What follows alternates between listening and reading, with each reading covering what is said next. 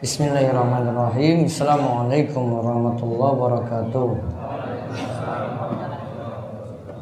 Alhamdulillah wassalatu wassalamu ala Rasulillah wa ala alihi wa man tabi'ahu bi ihsan ila yaumiddin. Allahumma inna nas'aluka ilman nafi'a wa rizqan thayyiba wa amalan mutaqabbala. Baik, kita lanjut lagi sesi keberapa? 15 Pembahasan bahasan ke-32 Pertolongan Allah pasti datang kepada kaum muslimin.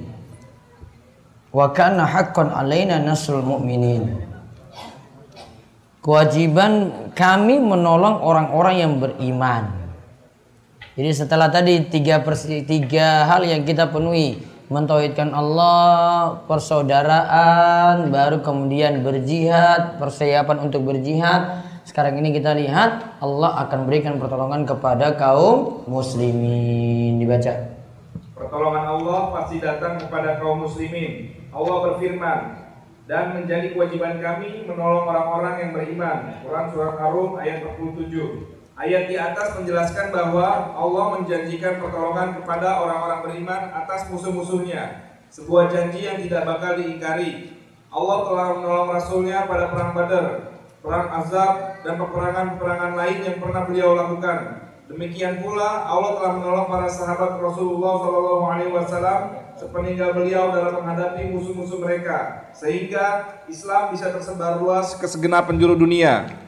Kaum muslimin akan selalu mendapat pertolongan Allah walaupun banyak mengalami tragedi dan musibah. Memang kesudahan yang baik senantiasa beserta orang-orang beriman yang benar-benar dan teguh dalam memegang keimanannya, yang selalu menunjukkan ketauhidannya dalam beribadah dan berdoa baik dalam kondisi lapang maupun kesempitan. Al-Quran mengisahkan sebagaimana kondisi kaum muslimin pada saat perang badar. Jumlah mereka sedikit dan perbekalan mereka juga minim. Namun mereka selalu yakin kepada Allah sehingga mereka pun berdoa kepadanya agar memberi mereka kemenangan. Allah berfirman, "Ingatlah ketika kalian memohon pertolongan kepada Tuhan kalian, lalu Dia pun memperkenankan permohonan kalian dengan berfirman, sesungguhnya Aku akan mendatangkan bala bantuan kepada kalian berupa seribu malaikat yang datang secara berturutan." Quran Surat Al-Anfal ayat 9 Nah lihat Yang jelas Allah akan menolong orang beriman apa syaratnya tadi nanti pertolongannya tiga ya. Pertama apa dulu? Tauhid, bersaudara di atas iman, tiga persiapan jihad. Nah di sini pertolongan akan datang ya, walaupun jumlah kita sedikit nantinya. Kalah dengan bala tentara orang kafir. Contoh pada perang Badar. Allah katakan lihat, "Isnastaghitsuna rabbakum fastajaba lakum anni mumiddukum bi alf minal malaikati murdifin. Ingatlah ketika kalian memohon pertolongan kepada Rob kalian.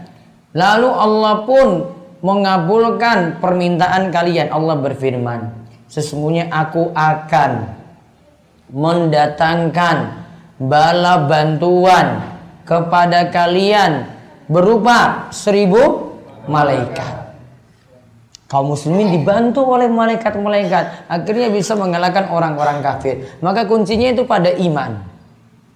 Ketika jumlah kita sedikit pertolongan Allah akan datang asalkan kita itu beriman. Terus Allah mengabulkan. Allah mengabulkan permohonan mereka yaitu dengan menurunkan malaikat untuk berperang bersama mereka. Para malaikat itu ikut memenggal kepala orang-orang kafir dan memancung ujung-ujung jari mereka. Allah berfirman mengisahkan, maka penggalah kepala-kepala mereka dan ujung-ujung jari mereka. Quran surat Al-Anfal ayat 12. Nah, siapa yang tadi memenggal siapa? Malaikat. Malaikat. Dengan izin Allah malaikat itu nolong orang-orang beriman walaupun jumlah mereka itu sedikit.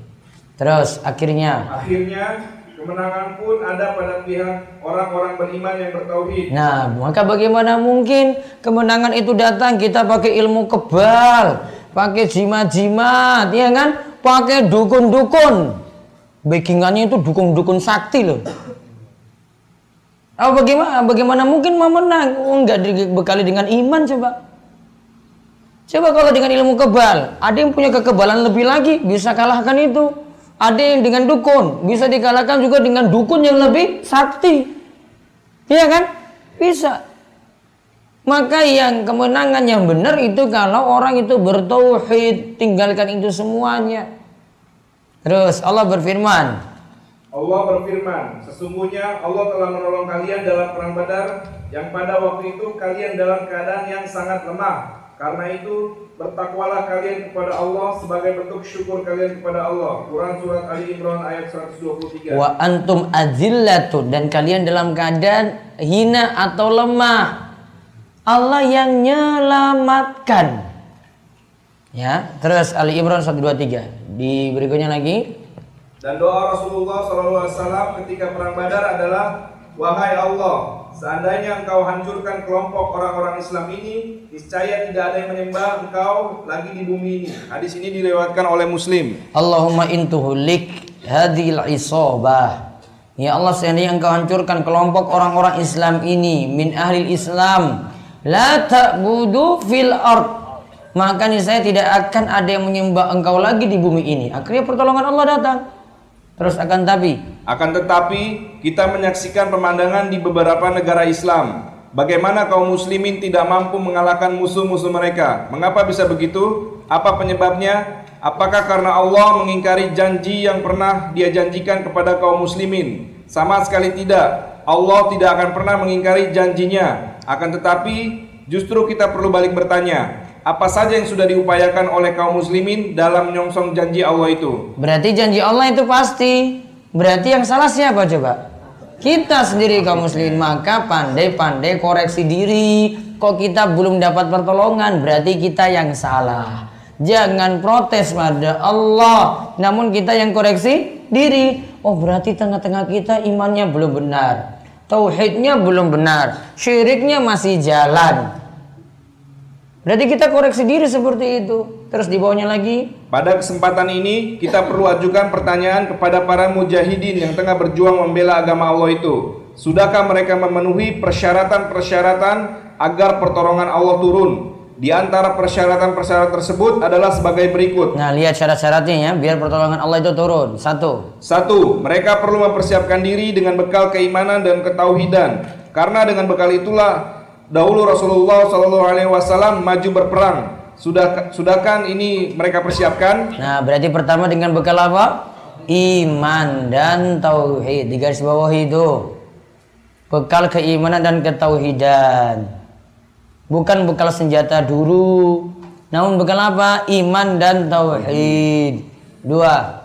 Dua, mereka harus melakukan usaha-usaha konkret untuk menggapai kemenangan yang mereka harapkan sebagaimana diperintahkan oleh Allah dalam firman-Nya dan siapkanlah untuk menghadapi mereka kekuatan apa saja yang sanggup kalian siapkan. Quran surat Al-Anfal ayat 60. Wa'iddu lahum mastata'tum min quwwatin. Dan siapkanlah untuk menghadapi mereka kekuatan apa saja yang sanggup kalian siapkan. Berarti yang kedua melakukan usaha konkret untuk menggapai kemenangan. Persiapan, persiapan. Terus dan Rasulullah SAW dan Rasulullah Shallallahu Alaihi Wasallam menafsirkan bahwa kekuatan pada ayat di atas maksudnya adalah latihan yang berkaitan dengan seluk belum melempar. Nah, sudahkah mereka melakukan usaha-usaha konkret semacam itu? Berarti ada latihan-latihan untuk jihad. Terus tiga. Tiga, mereka perlu senantiasa berdoa dan memohon kemenangan kepada Allah semata selama peperangan berkecamuk. Tidak memohon pertolongan kepada selain Allah yang mereka percayai mampu menolong mereka karena tidak ada yang mampu memberi pertolongan kecuali Allah semata. Mereka perlu meneladani Rasulullah Wasallam dalam berdoa, di mana beliau hanya menunjukkan doa itu kepada Allah semata. Allah berfirman, bukankah Allah saja cukup untuk menolong hambanya? Quran surat Az-Zumar ayat 36. Sudahkah mereka melakukan semua itu? Nah, berarti yang ketiga apa? Berdoa. Garis bawahi berdoa. Kalau yang kedua tadi ya usaha konkret. Berdoa karena apa? Allah yang cukupi semua. Alaihissallahu bikafin abda. Bukankah Allah saja untuk yang cukup untuk menolong hambanya? Berarti dengan Allah, dengan pertolongan Allah. Yang keempat. Empat.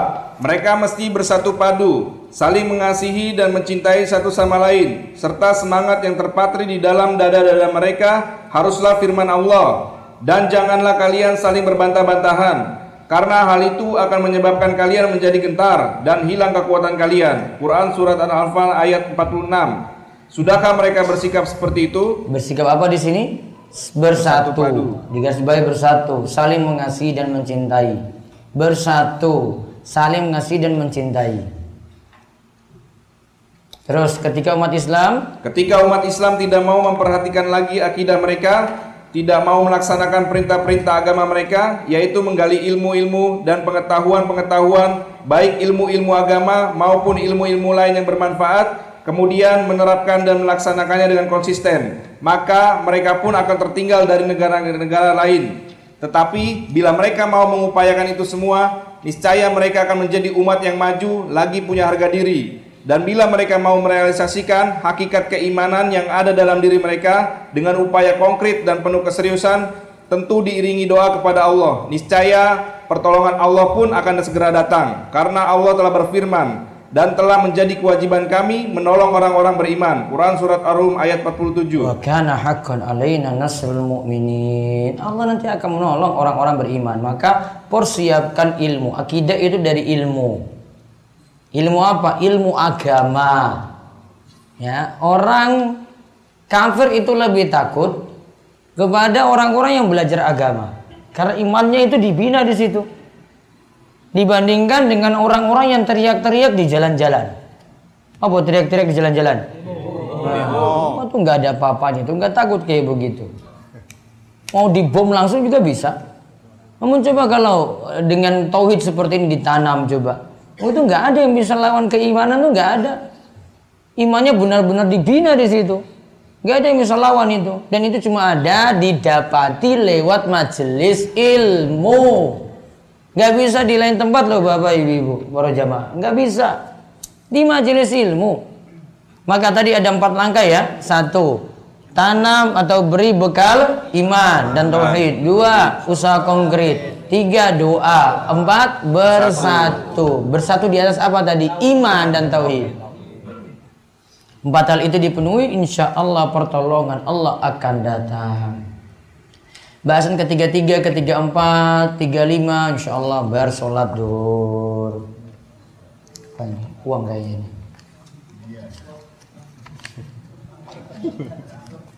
Kira duit. Ini akhwat ini. Mohon disampaikan agar ikhwan tidak lagi menggunakan kamar mandi akhwat. Ya Allah. Ya rojul, ya rojul. Hari ini tadi ada beberapa akhwat hendak berwudu tiba-tiba keluar ikhwan dari kamar mandi. Ya Allah, masya Allah. Kok nggak baca tulisan itu? Atau memang ini ada sesuatu itu kayak Pengen nazar paling itu. Obatlah. Ya, perhatian, ikhwan nggak boleh pakai kamar mandi akhwat. Kan sudah ada tulisan itu. Kamu boleh dibawa namun nggak boleh pakai kamar mandinya. Kalau nggak di atas aja di sini terus. Kalau nggak pakai kamar mandi yang hijau-hijau di luar itu loh. Oh, banyak sekali itu loh. Ketika keadaan jamaah banyak seperti daurah ini, bolehkah meninggalkan tas atau buku di tengah soft, ditinggal wudhu sehingga agar nanti mudah mendapat soft di depan, teman yang lain tidak menempati tempat itu. Kalau memang itu tempatmu dapat duluan boleh. Saya ingin menanyakan apakah ada anjuran untuk melaksanakan sholat hajat dan jika ada kapan sebaiknya dilaksanakan atau dikerjakan. Sebagian ulama mendoifkan hadisnya, sebagian ulama mensahihkan. Kalau mau diganti, baiknya dengan sholat sunnah yang lain itu lebih bagus. Namun hadis ini sahih menurut sebagian ulama. Ada bahasan saya di rumahsa.com. Ketika saya sebentar ini mana ini?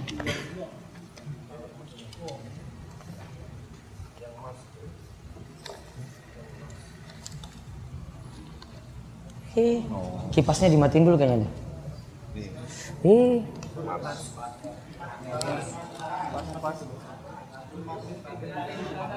Kipasnya Pak. Ketika saya menjadi panitia lomba menulis ada yang sudah membayar uang pendaftaran lomba tapi ternyata mereka tidak jadi ikut lomba. Tidak mengirim naskah namun tidak konfirmasi. Apakah saya sebagai panitia mengembalikan uang mereka yang sudah mentransfer ke rekening namun tidak jadi mengirim naskah? Perjanjiannya kayak gimana? Harus ada perjanjian di awal dulu. Bagi yang mau ikut ya mau mengirim naskah atau tidak daftar dulu misalnya. Kalau tidak ada perjanjian kayak gitu ya baiknya uangnya dikembalikan. Apa maksud jodoh adalah cerminan dari diri kita sendiri. Apakah jika saya cerewet, jodoh saya juga demikian? Apa maksudnya dari jodoh cermin diri kita sendiri? Ya namanya saja laki-laki yang baik untuk perempuan yang baik. Itu cerminan. Rata-rata seperti itu. Apakah cerewet? Enggak juga. Ada istri yang cerewet sekali. Suaminya yang diam saja ada. Enggak harus kalau cerewetnya itu. Iya kan? Betul nggak bapak? baju yang kita sudah tak ingin pakai lagi karena tidak syar'i baiknya dikemanakan pakai di dalam rumah Ustadz jika kita pinjam barang milik teman semisal kamera sepeda motor dan lain-lain yang kita tidak tahu barang tersebut dibeli dengan harta halal atau haram bagaimana hukumnya karena saya sendiri belum ada penghasilan untuk membeli sendiri mendingan gak usah cari tahu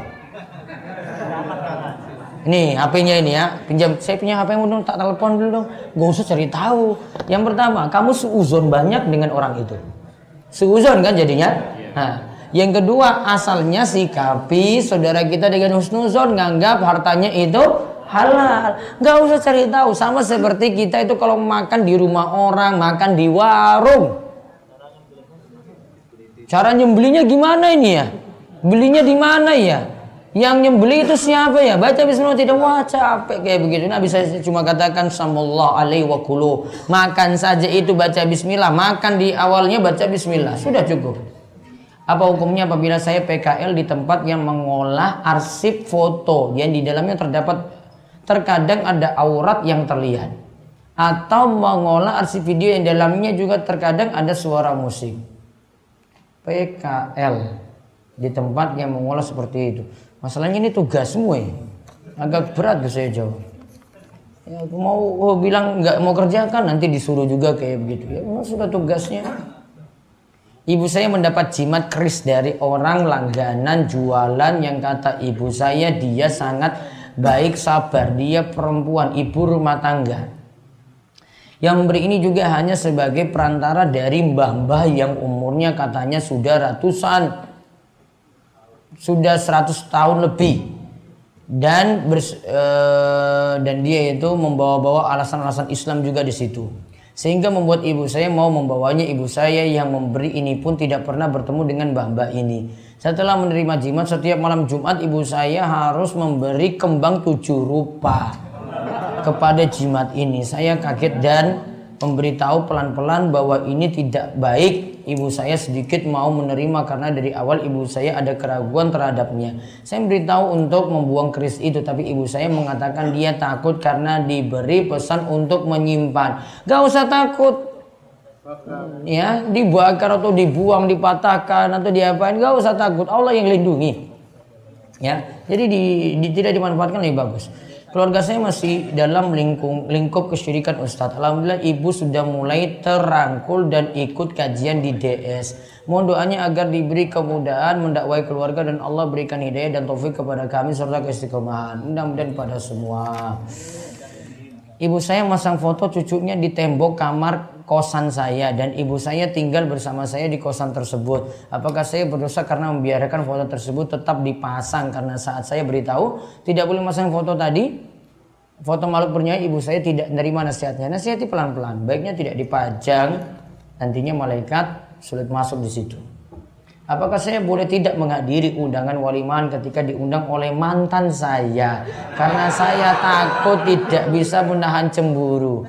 Wah itu sakit banget itu ya.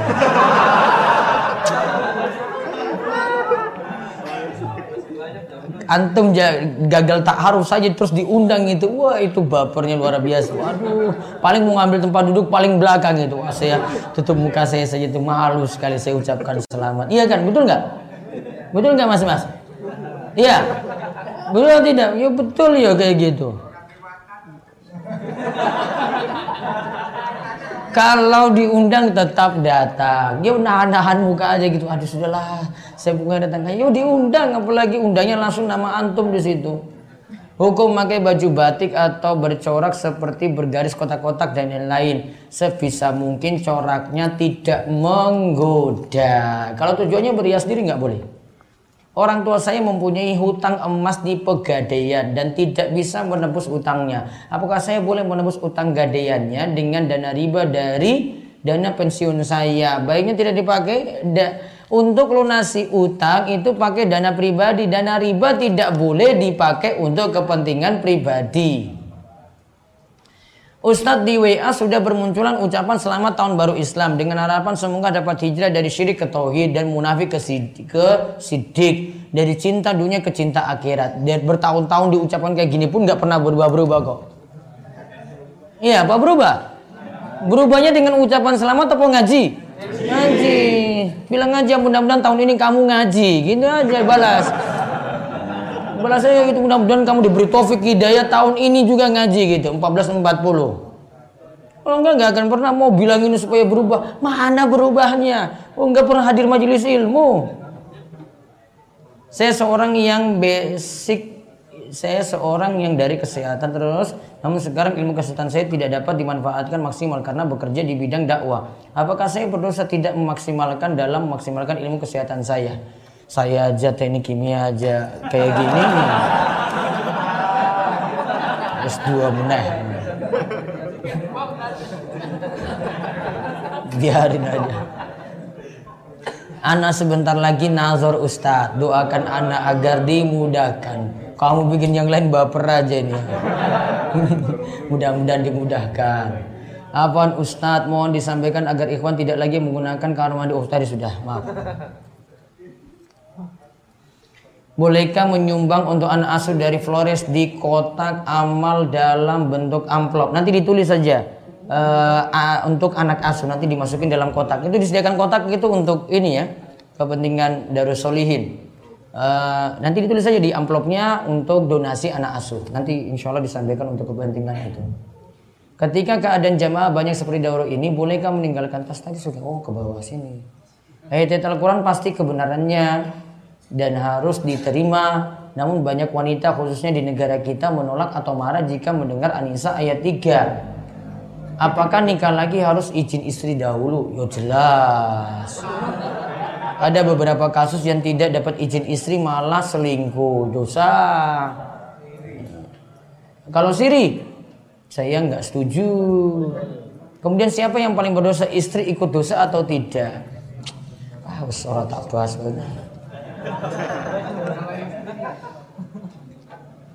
yang jelas minta izin pak. Kalau nggak diizinkan ya sudah banyak-banyak puasa Senin Kemis. Saya minta bacaan-bacaan doa yang dibacakan kepada si mayat ketika berziarah kubur. Kalau bisa yang versi Arabnya. Buka rumaiso.com, cari sendiri situ ya. Ibu saya suka mem memajang foto-foto orang soleh. Wah ini kalau orang soleh itu baiknya enggak. Kalau tadi masih foto cucu, ini mungkin masih libur ringan daripada ini. Kalau orang soleh punya keyakinan-keyakinan sendiri loh. Ya, tapi hanya niatannya memajang saja. Saya sarankan enggak. Tadi kan sudah kita ceritakan beberapa hadis yang lewat. Ada orang soleh, awalnya dijadikan apa? Patung. Kemudian orang-orang berilmunya meninggal dunia. Lantas patung itu diapain? Sembah. Orang soleh. Itu karena kultur sekarang orang soleh. Niatannya awalnya cuma mengenang saja. Niatannya apa? Mengenang. Berarti orang soleh kalau fotonya dipajang lebih bahaya. Bagaimana caranya agar kita tidak melupakan dosa-dosa kita? Tetapi juga tidak pesimis untuk mendapatkan ampunan dan rahmat dari Allah. Pertama perbaiki diri, terus perbaiki tobat.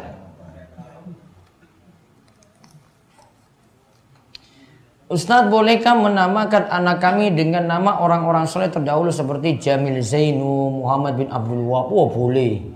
Namun kalau bin itu artinya bapaknya siapa gitu ya. Jadi bisa namakan Muhammad Abdul Wahab atau Abdul Wahab saja atau Jamil Zainu. Apa Ustadz mengapa nama anak Ustadz diawali huruf R semua? Yo terserah saya.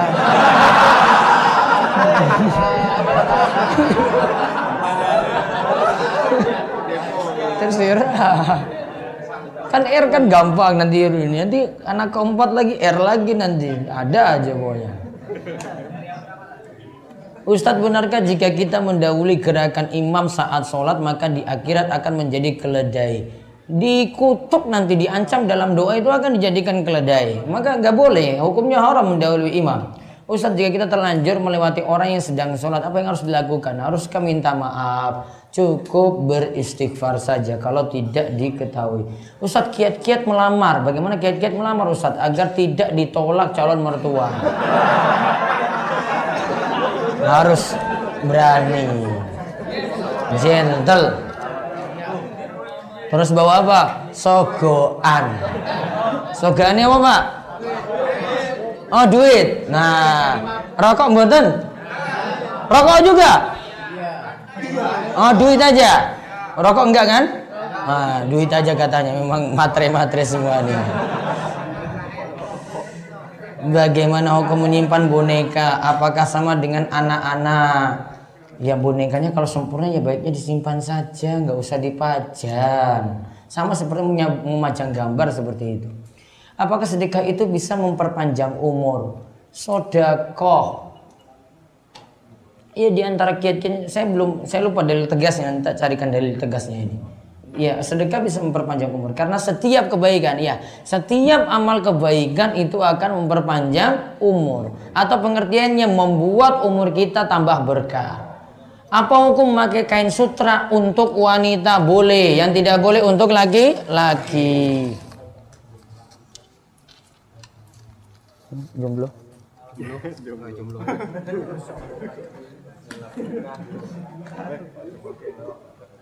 Ustadz, mertua kakak saya seorang dukun.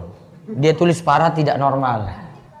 Saya pernah diajak kakak saya untuk mengambil mobil di rumah mertuanya. Pada saat pulang saya dikasih uang 100 ribu. Pertanyaan saya, apakah saya termasuk orang yang mendatangi dukun? Dan bagaimana uang pemberian tadi? Kan enggak, kan cuma pinjam mobil kan?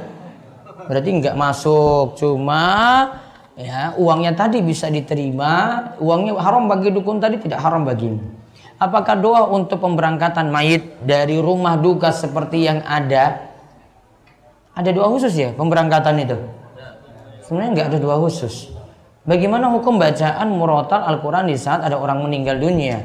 Juga tidak dianjurkan untuk itu. Namun ya kebiasaan masyarakat kita seperti itu. Saya mengiring mantenan, lalu saya menjadi jalaran. Apa terus menyerahkan manten laki-laki. Kemudian memakai pakaian Jawa lalu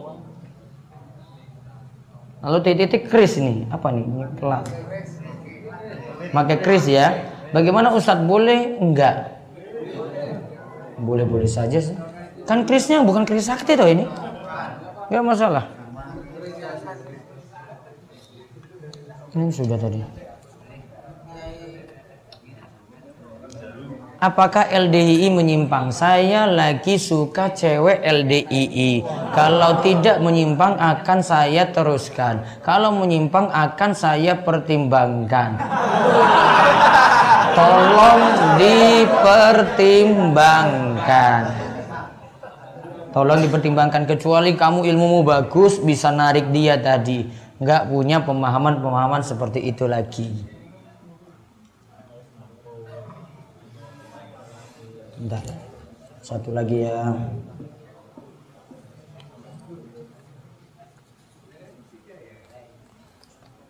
Ustadz bagaimana ada orang yang meyakini bahwa batu akiknya sakti Lalu dia tobat dan membersihkan batunya dan menjualnya Apa hukumnya? Yang jelas tidak boleh ada keyakinan itu lagi, boleh dia jual. Dan dia yakini ini tidak punya isi apa pun, tidak ada kesaktian-kesaktian lagi.